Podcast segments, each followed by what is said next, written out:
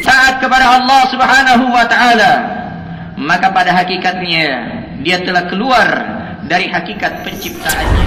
Dan Ustaz Salman Mahmud hafizahullah. Allah bersumpah demi waktu.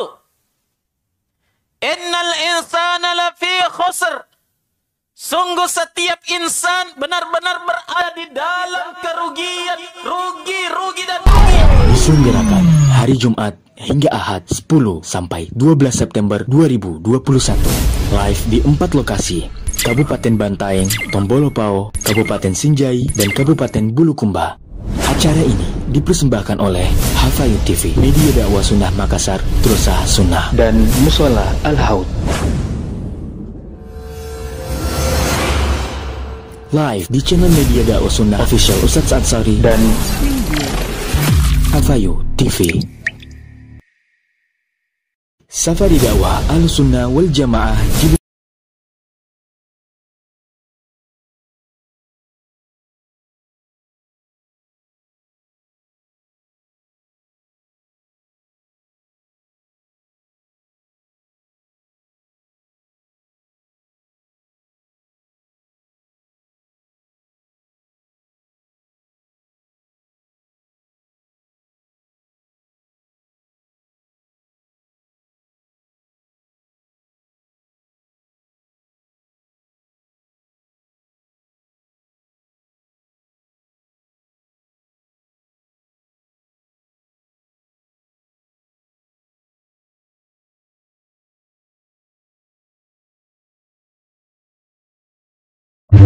Jangan dinikmati saja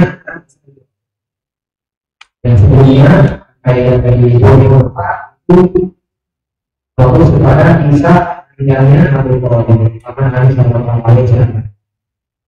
Jadi sebelumnya pada pada. Tapi ini kisah dijawab, kisah dijawab.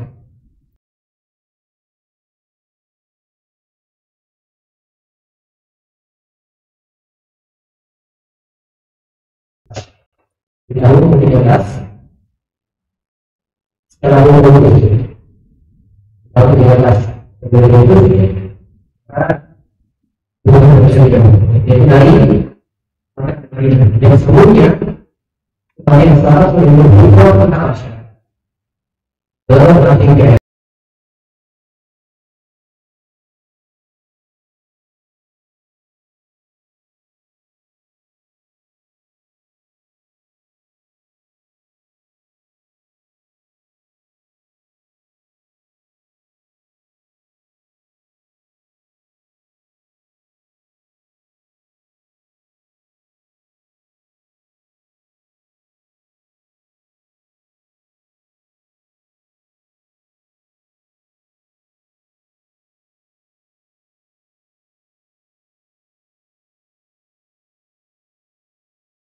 pelajaran-pelajaran yang terpenting yang bisa dipetik dari kisah hijau itu mereka tidak tahu.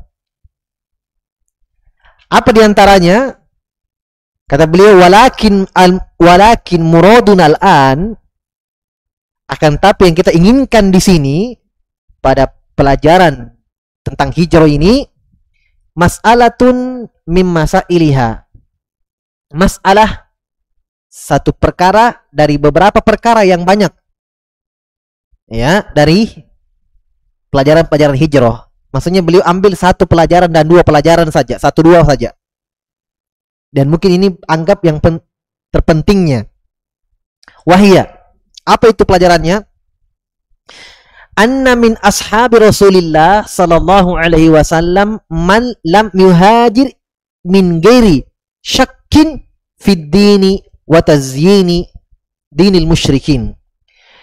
Ketika turun perintah berhijrah, sahabat-sahabat sudah berhijrah Nabi dan yang beriman pada waktu itu berhijrah. Ada sahabat sebagian sahabat Nabi maksudnya mereka sudah berislam di Mekah pada waktu itu malam yuhajir mereka tidak berhijrah tidak ikut ya Nabi dan sahabat yang beriman pada waktu itu walaupun mereka waktu itu sedikit berhijrah nah ini ada beberapa orang yang dia sudah mengucapkan syahadat, sudah beriman kepada Nabi sallallahu alaihi wasallam, tidak hijrah. Min ghairi syakkin. bukan karena ragu dengan agama Islam wa tazyini dinil musyrikin dan bukan karena menganggap indah, menganggap baik agama orang-orang musyrikin, bukan. Mereka yakin dengan Islam benar. Mereka yakin ini perintah Allah Subhanahu wa taala. Yakin dengan keimanan mereka terhadap kerasulan Nabi sallallahu alaihi wasallam dan tetap mereka menganggap agama orang musyrikin itu jelek. Hina, kesyirikan, batil. Terus apa sebabnya mereka tidak hijrah? Lakin mahabbatu mahabbatun lil ahli wal mali wal watani. Tetapi yang menyebabkan mereka tidak berhijrah adalah cinta kepada keluarga, harta dan tanah kelahiran. Waton. Ini sebabnya. Sekali lagi, bukan karena ragu dengan agama Islam itu sendiri dan bukan karena menganggap agama orang-orang musyrikin itu benar dan baik.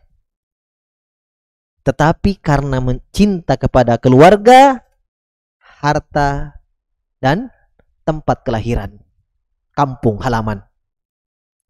Ya. Falamma kharaju ila Badr maka tatkala meledak meledak perang Badr sahabat-sahabat yang berhijrah bersama Nabi di Madinah sudah ber sudah tinggal beberapa waktu turun perintah jihad karena sudah banyak masuk Islam. Dan mereka sudah punya wilayah kekuasaan. Maka turunlah perintah jihad. Nah ketika Madinah eh, sahabat di Madinah menyerang orang-orang Quraisy di Mekah musyrikin itu perang Badar ya kharaju ma'al musyrikina karihin. Sahabat-sahabat yang tidak berhijrah tadi ya yang masih tinggal di Mekah ikut keluar bersama orang-orang musyrikin karihin dalam keadaan terpaksa. Paham?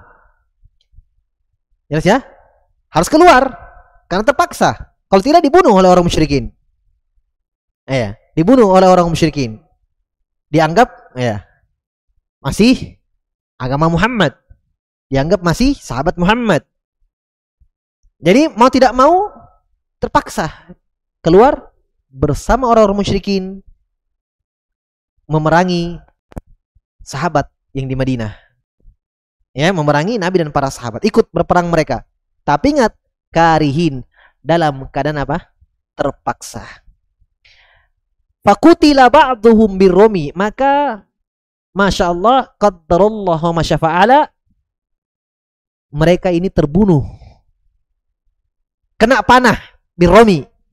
Kena lemparan tombak dan panah yaitu oh, sahabat yang tidak hijrah tadi terbunuh di perang Badar. Iya. Warromi la ya'rifuhu dan orang yang memanah yaitu sahabat yang di Madinah tidak mengetahui siapa yang mereka bunuh. Sepengetahuan mereka yang kita serang ini musyrikin. Mereka tidak melihat siapa yang kena. Tidak tahu. Sepengetahuan mereka yang kita serang yang kita serang ini musyrikin. Ya, orang-orang musyrikin yang di Mekah. Falamma sami'a sahabatu maka tatkala sahabat mendengarkan anna minal qatla fulanan wa fulanan. Ternyata sahabat yang di Madinah mendengarkan kabar ternyata dari korban yang terbunuh ada si Anu, Fulan, dan si Fulan. Mereka kenal temannya ketika masih sama-sama berjuang, sama-sama menanggung ya. Menanggung beban, menanggung kesulitan di Mekah pada waktu itu ya. Mereka tahu teman-temannya. Mereka ingat. Ya mungkin ketika mereka pergi ya, di atau melihat orang-orang yang terbunuh, maka mungkin mereka melihat ini teman kita, ini teman kita, teman kita, ini sahabat. Maka apa kata sahabat yang di Madinah? Syakko alaihim maka pun mereka merasakan berat ya sedih dan mengatakan qatalna ikhwanana. Kita membunuh saudara-saudara kami. Atau kita membunuh saudara-saudara kita sendiri. Ini ucapan para sahabat di Madinah. Ketika mereka sudah mengetahui ternyata yang tertombak yang terpanah bukan cuma orang musyrikin tetapi sahabat yang di Mekah yang tidak berhijrah.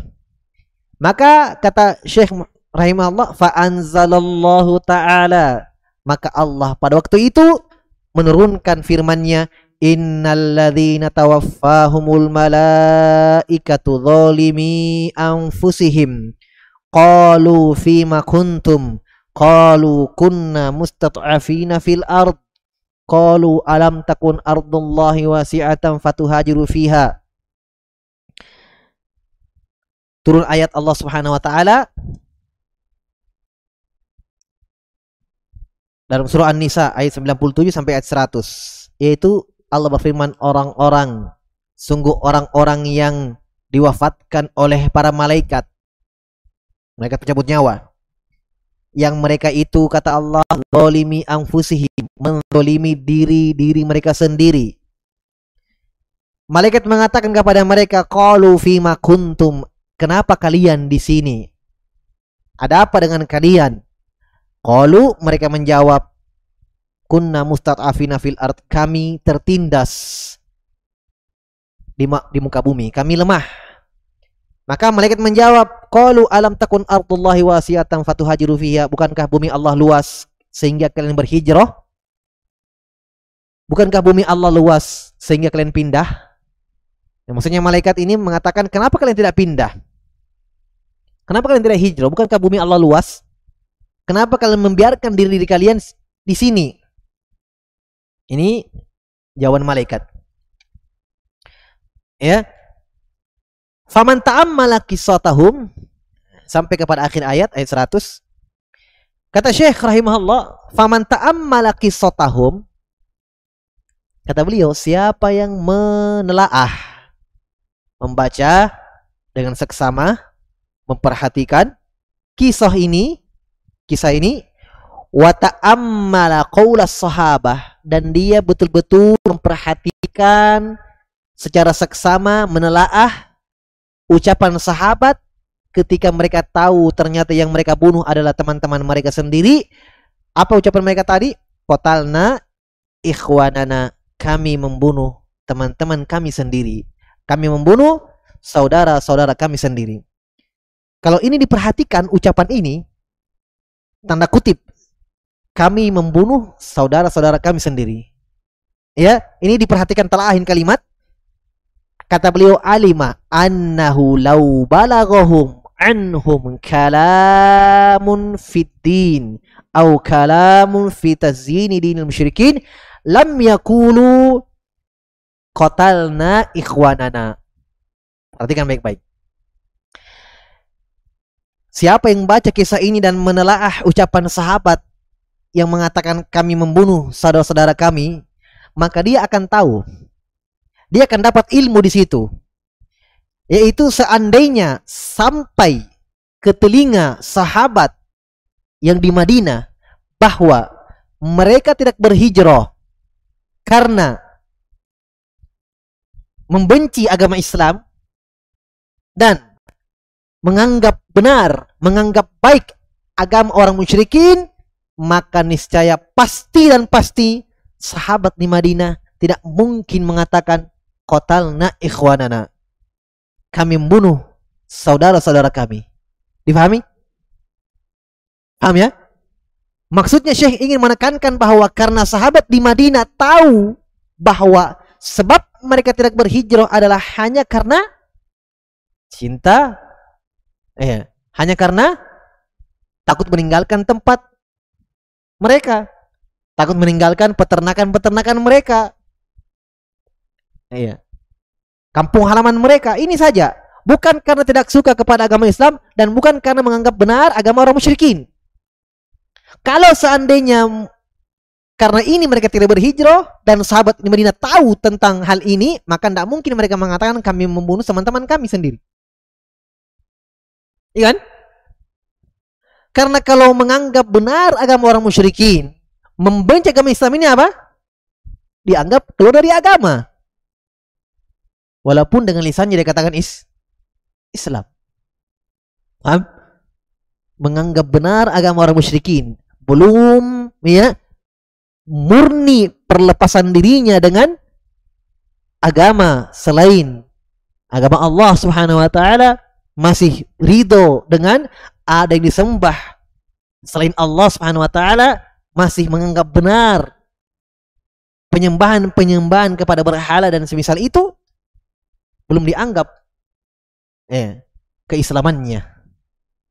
Karena belum ada perlepasan di diri. Belum mentahkik betul-betul belum merealisasikan betul-betul apa? La ilaha illallah. Karena berlepas diri dari sembahan-sembahan orang musyrikin, menganggap batil sembahan-sembahan orang musyrikin, itu dari konsekuensi la ilaha. Paham?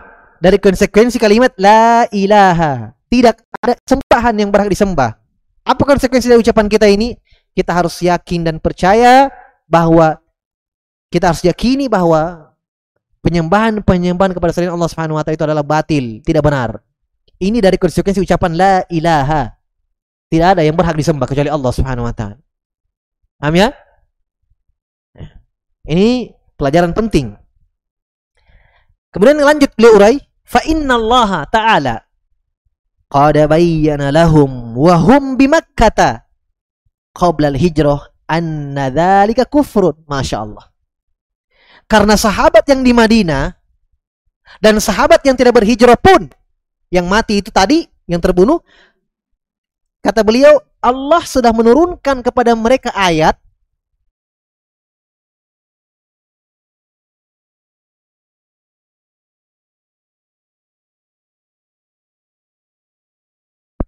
dari kemarin kayaknya ini tuh dari kemarin kayaknya ini ini dari Pegang dulu. Taib. Kenapa demikian? Kenapa Syekh memastikan bahwa seandainya sahabat di Madinah mengetahui alasan mereka tidak berhijrah karena membenci agama Islam dan menganggap benar sembat orang musyrikin, niscaya mereka tidak akan mengatakan kotalna ikhwanana, kami membunuh saudara-saudara kami. Karena kata beliau, Allah sudah turunkan kepada mereka waktu di Makkah, ya, Allah sudah menurunkan kepada mereka di Makkah ayat yang menjelaskan harus berlepas diri dan membenci agama orang-orang musyrikin. Jadi sahabat sudah mengetahui ketika mereka masih di Makkah belum hijrah bahwa menganggap benar sembahan orang musyrikin, menganggap benar perbuatan mereka adalah kekufuran. Paham? Ini sudah ada ayatnya. Sudah turun ayat di Mekah bahwa membenarkan perbuatan orang musyrikin menyembah berhala itu adalah kekufuran. Nah, maka di, maka bisa dipastikan sebagaimana yang Syekh pastikan. Berarti kalau seandainya sahabat di Madinah tahu bahwa sebab mereka tidak berhijrah adalah membenci agama Islam dan membenarkan perbuatan orang musyrikin, maka pasti niscaya mereka tidak akan mengatakan kami membunuh saudara-saudara kami. Jelas ya? Ya. Karena di dalam ayat Al-Qur'an ketika di Makkah sudah turun ayat wa man kafara billahi ba'da imanihi illa man ukriha wa qalbuhu mutmainnum bil iman. Ini kisah tentang Sumayyah radhiyallahu taala anha dan anaknya Yasir uh, Ammar bin Yasir radhiyallahu taala anhuma. Perhatikan, ini kisah di Makkah ini ketika ditindas oleh orang musyrikin. Sumayyah radhiyallahu taala anha diperintahkan untuk mencela Nabi, beliau tidak mau. Dibunuh beliau radhiyallahu anha sehingga beliau menjadi syahidah pertama, wanita yang mati syahid pertama di jalan Allah Subhanahu wa taala. Sumayyah radhiyallahu taala anha ditusuk kemaluan beliau dengan besi panas. Ya. Kemudian anak beliau Ammar bin Yasir juga hampir diperlakukan seperti ibunya ya karena melihat ibunya sudah meninggal maka Ammar bin Yasir diperintahkan oleh, orang musyrikin mencela Nabi sallallahu alaihi wasallam maka beliau pun mencela Nabi tetapi hanya terpaksa, hanya di lisan saja. Dalam hati Ammar bin Yasir mengakui bahwa perbuatan itu tidaklah benar dan beliau tetap mencintai Nabi Shallallahu Alaihi Wasallam hanya karena untuk selamat dari maut, hanya untuk selamat dari dari maut. Turunlah firman Allah membenarkan ucapan, membenarkan perbuatan Ammar bin Yasir. Apa ayatnya? Dalam surah An-Nahl ayat 106. Kata Allah, siapa yang kafir kepada Allah Subhanahu wa taala setelah imannya kecuali man ukriha, siapa yang terpaksa wa qalbuhu dengan catatan kata Allah hatinya tetap dalam keimanan. Ini kisah di mana? Kejadiannya di Makkah. Ya, awal-awal Islam datang. Berarti kejadian ini sudah tersebar di kalangan sahabat. Ayat ini sudah tersebar di kalangan sahabat bahwa ya bahwa membenarkan membenarkan agama orang-orang musyrikin, membenci Nabi SAW, mencela Nabi SAW adalah termasuk perbuatan kufur. Kecuali kalau terpak, terpaksa. Paham ya? ya? Berarti bisa kita pastikan sebagaimana yang Syekh sebutkan bahwa tidak mungkin mereka mengatakan kotalnya ikhwanana kami membunuh saudara-saudara kami. Kalau seandainya mereka tahu bahwa sebab mereka tidak berhijrah adalah karena benci dengan agama Islam dan senang dengan agama orang-orang musyrikin. Wa ablagu min dan yang paling dalam lebih mendalam lagi dalam masalah ini lebih dalam lagi ilmunya ma taqaddama min kalamillahi ta'ala fihim. Masyaallah lebih mendalam lagi ya kalau kita telah kisah ini, apa yang Allah turunkan kepada mereka ayat tentang ketika mereka tidak berhijrah, ayat yang kita sebutkan tadi. Yaitu malaikat maut bertanya kepada mereka, kenapa kalian di sini? Ada apa dengan kalian? Fima kuntum, qalu fima kuntum. Kata malaikat, kenapa kalian di sini? Ada apa dengan kalian? Iya.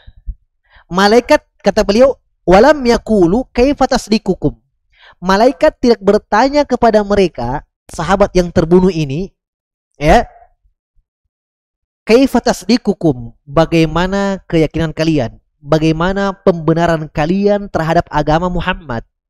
Bagaimana keyakinan kalian terhadap penyembahan berhala itu? Paham? Sekarang saya tanya, kenapa malaikat tidak bertanya seperti itu? Kenapa malaikat pertanyaannya, kenapa kalian di sini? Hah? Karena malaikat tahu bahwa mereka mereka ini yakin dengan agama Islam. Mereka ini yakin bahwa agama orang-orang musyrikin, penyembahan berhala adalah agama yang batil. Tahu malaikat, makanya pertanyaan malaikat apa? Qalu fima kuntum. Kenapa kalian tetap di sini? Ini pertanyaan malaikat. Malaikat tidak bertanya tentang hati mereka, tentang keyakinan para sahabat ini. Malaikat hanya bertanya kenapa tidak berhijrah itu saja. Ya, ya? Tidak ditanya kenapa, bagaimana keyakinanmu terhadap agama Nabi. Bagaimana keyakinanmu terhadap agama orang-orang musyrikin. Malaikat bertanya, kenapa kalian di sini? Ya. Maka mereka menjawab, mustat'afina fil ard, kami tertindas di muka bumi. Ya. Ini yang pertama. Yang kedua, kata Syekh, ketika mereka mengatakan kami tertindas, kan ditanya kenapa? Ada apa dengan kalian? Kenapa kalian? Sampai menjawab dalam ayat, kunna mustad'afina fil ard, kami lemah, tertindas. Iya. Maka malaikat menjawab, setelah itu, bukankah bumi Allah luas? Ya kan? Kata Syekh, malaikat tidak menjawab setelahnya, walam yakulu, kata betul, kamu bohong. Paham ya? Pernah kita dengarkan kisahnya orang yang paling pertama dipanggang api neraka? Tiga orang. Hadits Abu Hurairah, Bukhari Muslim. Itu yang Syekh sebutkan. Ya. Yang pertama, orang yang mati di, di jalan Allah. Bertemu dengan Allah pada hari kiamat ditanya, Mada amil, apa yang kamu amalkan? Ini orang yang paling kata Nabi yang paling pertama dipanggang oleh api neraka. Allah bertanya kepadanya, "Madza amil? Tapi kamu amalkan?" Orang ini menjawab, Qatal tu fisabilik. Saya terbunuh jalanmu ya Allah. Kata Allah, Kadzabta. Kamu bohong. Tapi kamu terbunuh. Kamu barisan paling depan. Hanya untuk dikatakan liukol jari. Hanya untuk dikatakan agar kamu berani. Aku dekila. Dan itu kamu dapatkan di dunia. Maka Allah melemparnya ke dalam api neraka. Yang keduanya, orang yang bersedekah hanya untuk dibilang dermawan. Sama dilempar ke api neraka. Pertanyaan Allah sama. Mada amilta apa yang kamu amalkan jawabannya pun sama. Allah menjawab dengan jawaban yang sama. Kadzabta kamu bohong. Dan seterusnya. Orang yang ketiga adalah orang yang mempelajari agama Allah. Orang yang menuntut ilmu mempelajari Al-Quran. Tetapi dia be- belajar Al-Quran hanya untuk dikatakan dia ahli baca Qur. Ahli baca Quran. Jelas ya? Ketika mereka ditanya apa yang kamu amalkan, mereka sebutkan amalannya. Allah tahu isi hatinya. Allah katakan kamu bohong. Kamu beramal untuk dibilang beramal untuk dipuji. Nah, pertanyaan malaikat kepada mereka, ya, ketika mereka menjawab, kami lemah tertindas, iya, malaikat tidak mengatakan kamu bohong, ya, kamu bohong, tidak, paham ya? Iya.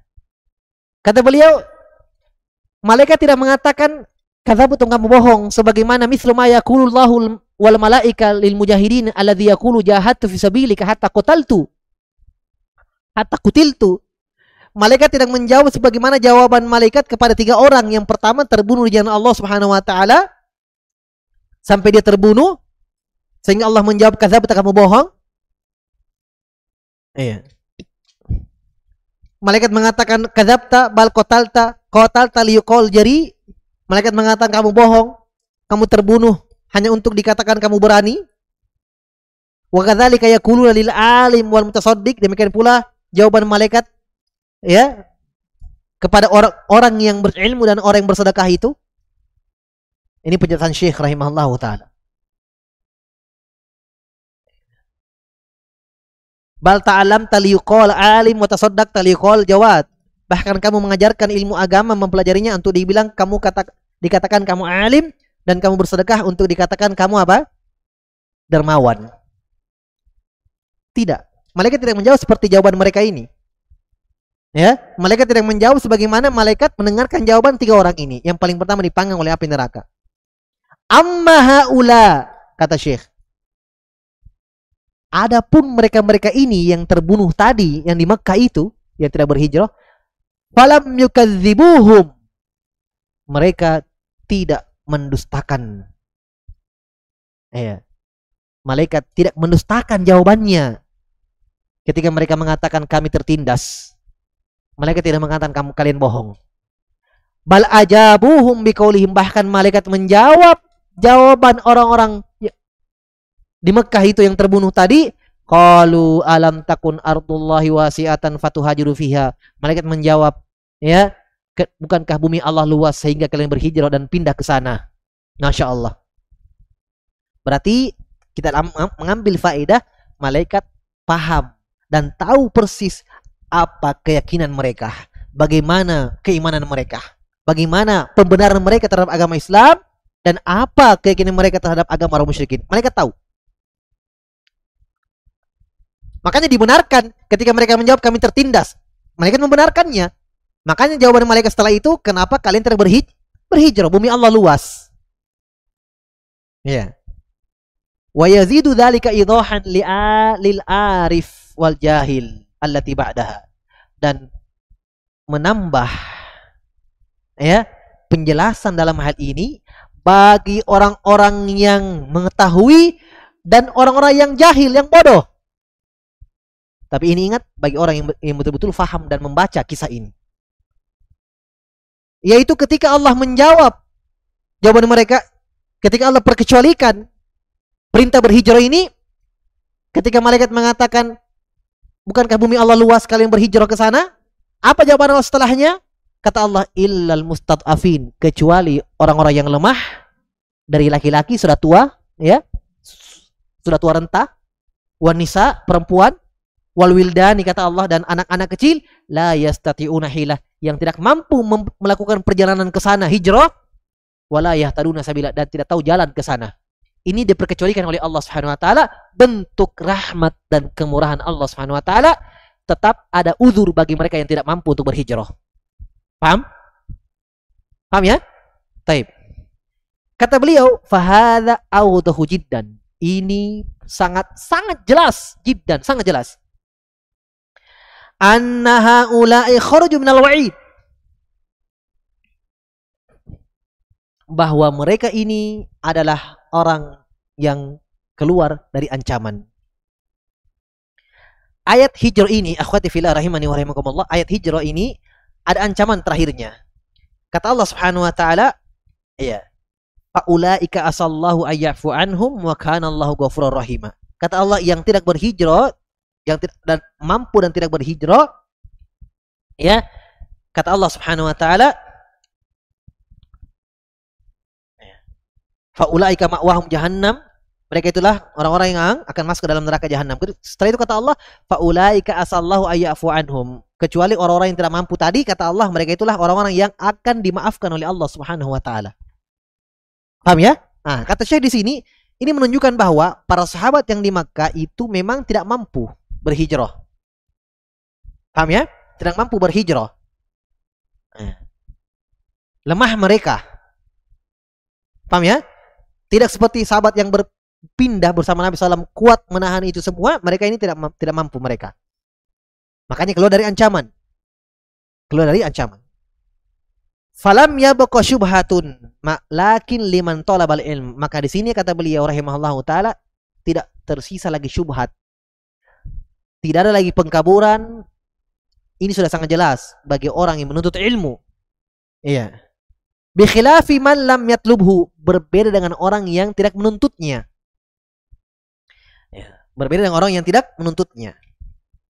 Paham ya? Bal qala Allahu fihim. Bahkan Allah mengatakan kepada mereka. Summun bukmun umyung faum la yarji'un. Mereka itu tuli, ya, buta, ya, bisu, dan mereka tidak akan kembali ke jalan Allah Subhanahu wa taala. Maksudnya Syekh mengatakan di sini bahwa ini kisah sudah sangat jelas ya bahwa orang-orang yang tidak ada perlepasan diri kepada agama orang-orang musyrikin mengaku Islam ya di KTP-nya Islam mengaku Islam menyandarkan dirinya kepada Islam tetapi masih menganggap benar agama orang-orang musyrikin ya. bahkan mungkin mengolok-olok agamanya sendiri mengolok-olok Nabi SAW, mengolok-olok sahabat, mengolok syariat-syariat Islam, maka ini lebih mengerikan keadaannya. Sangat-sangat mengerikan keadaannya. Padahal ini sudah, sudah sangat jelas ini. Ini saja mereka yang tidak berhijrah, tinggal bersama para tinggal bersama orang musyrikin. Lihat bagaimana keadaan mereka. Ditanya oleh malaikat, kenapa kalian tidak berhijrah? Ya, kami tidak mampu. Kenapa kalian tidak berhijrah saja? Jelas ya? Apalagi kalau orang yang betul-betul tidak terhimpit keadaannya seperti ini. Ya. Mengaku Islam dan tidak berlepas diri dari agama orang musyrikin dan menganggap benar agama orang-orang musyrikin. Menganggap benar kesyirikan. Menganggap baik kesyirikan. Bahkan naudzubillah membantu agama mereka. Kata beliau wa man fahima hadzal maudi'a walladhi qablahu fahu fahu fahima kalam al-Hasan al-Basri maka siapa yang menelaah kisah ini dan memahaminya dan kisah sebelumnya, kisah Abu Talib, ya, meninggalnya Abu Talib, ya, yang eh, kekuasaannya, hartanya, kedudukannya, ya, keluarganya tidak bisa menyelamatkan dia. Kata beliau, bagi siapa yang memahami kisah ini dan kisah sebelumnya, dia akan paham ucapan Hasan Al-Basri. Dia akan paham kata Syekh makna ucapan Hasan Al-Basri. Apa kata ucapan Hasan Al-Basri? Qala laisal imanu bitahalli wat wala bitamanni walakin ma waqa waqara fil qulubi wasadaq wasadaqatul a'malu. Masya Allah. Ya, ini penting untuk diingat. Kata beliau, dia akan faham makna ucapan Hasan Al-Basri. Apa ucapan Hasan Al-Basri rahimahullah? Al Hasan Al Basri ini seorang tabiin, muridnya sahabat ya. Tapi beliau radhiyallahu eh, rahimahullah hanya berjumpa dengan sahabat-sahabat yang junior seperti Anas bin Malik atau eh, Ibnu Abbas, ya, Ibnu Umar, sahabat-sahabat yang junior. Adapun sahabat yang senior seperti Abu Bakar, Umar, itu dia tidak bertemu. Ya. Tabiin juga itu, tabiin murid-muridnya sahabat itu juga bertingkat-tingkat. Ada tabiin suni, eh, senior, eh, senior dan ada tabiin junior. Tabiin yang senior, tabiin yang terdahulu yaitu murid-murid sahabat yang bertemu dengan sahabat-sahabat yang senior. Nah, ini Hasan al-Basri termasuk tabiin junior yang bertemu dengan sahabat-sahabat yang junior. Hasan al-Basri mengatakan, "Laisal iman bitahalli." Iman itu bukan dengan berhias saja. Penampilan, pakaian, hijab bagi wanita, cingkrang bagi laki-laki, jenggot, berjubah dan seterusnya. Iman itu bukan dengan berhias. Wala bitamanni dan bukan juga dengan angan-angan. Saya beriman, saya beriman, saya iman Bukan dengan angan-angan dan ucapan. Walakin kata beliau akan tapi iman itu mawakoro fil kulub. Apa yang tertinggal di dalam hati dan dibenarkan dengan amalan. Masya Allah. Saya ulangi ucapannya. Laisal imanu bitahalli wala bitamanni walakin ma waqara fil qulubi wa saddaqathul a'malu.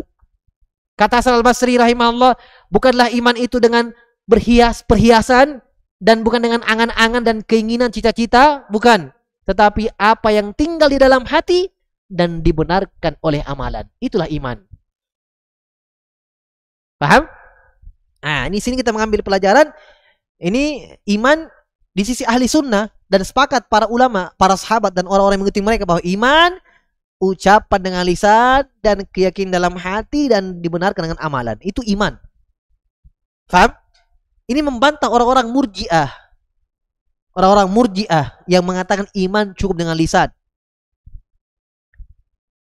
Kalau iman cukup dengan lisan, berarti orang-orang munafik itu mukmin. Ya kan iman ini kata sifatnya. Pelakunya dikatakan mukmin kan begitu. Berarti kalau dikatakan iman Cukup seorang itu dikatakan mukmin dengan lisannya, berarti orang-orang munafik mukmin. Kalau mukmin tidak mungkin dikatakan kekal, kekal dalam neraka. Ya, innal munafikina fid darkil asfali minan nar kata Allah orang-orang munafik berada di neraka yang paling keras siksaannya. Padahal mereka ucapkan syahadat. Paham? Bahkan mereka amalkan. Mereka sholat di belakang Nabi juga walaupun terpaksa malas-malasan. Tetapi hatinya sama sekali tidak menyimpan walaupun sebesar biji darroh dari keimanan. Tidak ada keimanan sedikit pun dalam hatinya. Paham ya? Orang-orang Jahmiyah mengatakan iman itu cukup dengan orang Asyariah juga mengatakan iman itu cukup dengan keyakinan dalam hati saja. Ini murjia yang ekstrim. Murjia yang sangat ekstrim. Mengatakan iman cukup dalam hati saja. Kalau iman cukup dalam hati saja, sebagaimana kayak orang-orang Murji'ah, ya, maka Firaun beriman berarti. Firaun mukmin. Tidak mungkin ya, Firaun dikekal dalam neraka. Jelas ya? Karena Firaun meyakini dalam hatinya Musa benar. Allah benar. Wajahadu biha wastaqanat anfusum dzulman wa 'uluwa kata Allah. Kata Allah Fir'aun itu mengingkari Nabi Musa alaihissalam. Wastaiqonat anfusuhum. Tapi jiwa-jiwa mereka, Fir'aun dan tentaranya, hati-hati mereka itu yakin benar Nabi Musa alaihissalam. Tapi kenapa tidak mau beriman? Zulman wa'uluwa. Karena kezuliman dan kesombongan. Berarti hati Fir'aun beriman. Mukmin. Ya, hati Fir'aun yakin. Eh, afwan. Hati Fir'aun yakin. Tapi bersama dengan itu tidak dikatakan mereka mukmin. Tidak dikatakan Firaun itu mukmin. Pada hatinya yakin benar Nabi Musa alaihissalam. Kenapa? Tidak ada di lisannya dia beriman dia katakan dan tidak ada pengamalannya. Paham? Dia katakan beriman, saya beriman, nanti apa? Tenggelam. Sudah diterima. Kenapa? Karena nyawanya sudah ditenggorokan. Sudah ditenggorokan. Ketika ditenggelamkan oleh Allah Subhanahu wa taala baru dia katakan saya beriman kepada Robnya Musa dan Harun tidak diterima oleh Allah Subhanahu wa taala. Paham ya? Nah, kata Syekh, ini pelajarannya, ini eh, poinnya kata beliau siapa yang memahami kisah hijrah ini dan memahami betul-betul memahami kisah meninggalnya Abu Thalib sebelumnya, maka dia faham akan faham betul be- dengan pemahaman yang benar dia mengerti ucapan Hasan al-Basri bahwa iman itu bukanlah dengan perhiasan bukanlah dengan penampilan dan bukan dengan angan-angan. Tetapi iman itu apa yang tinggal di dalam hati dan dibuktikan dengan amalan. Entah itu dengan ucapan dan amalan anggota tubuh. Itulah iman. Itulah iman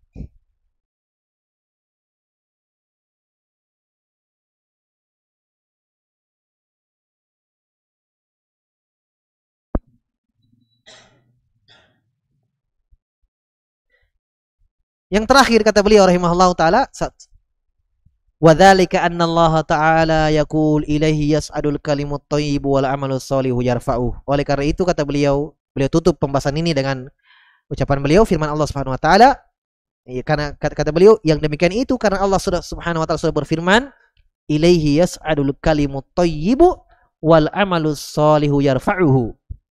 Kepadanya lah naik kalimat-kalimat yang indah itu dan amalan-amalan yang baik terangkat kepada Allah Subhanahu wa taala.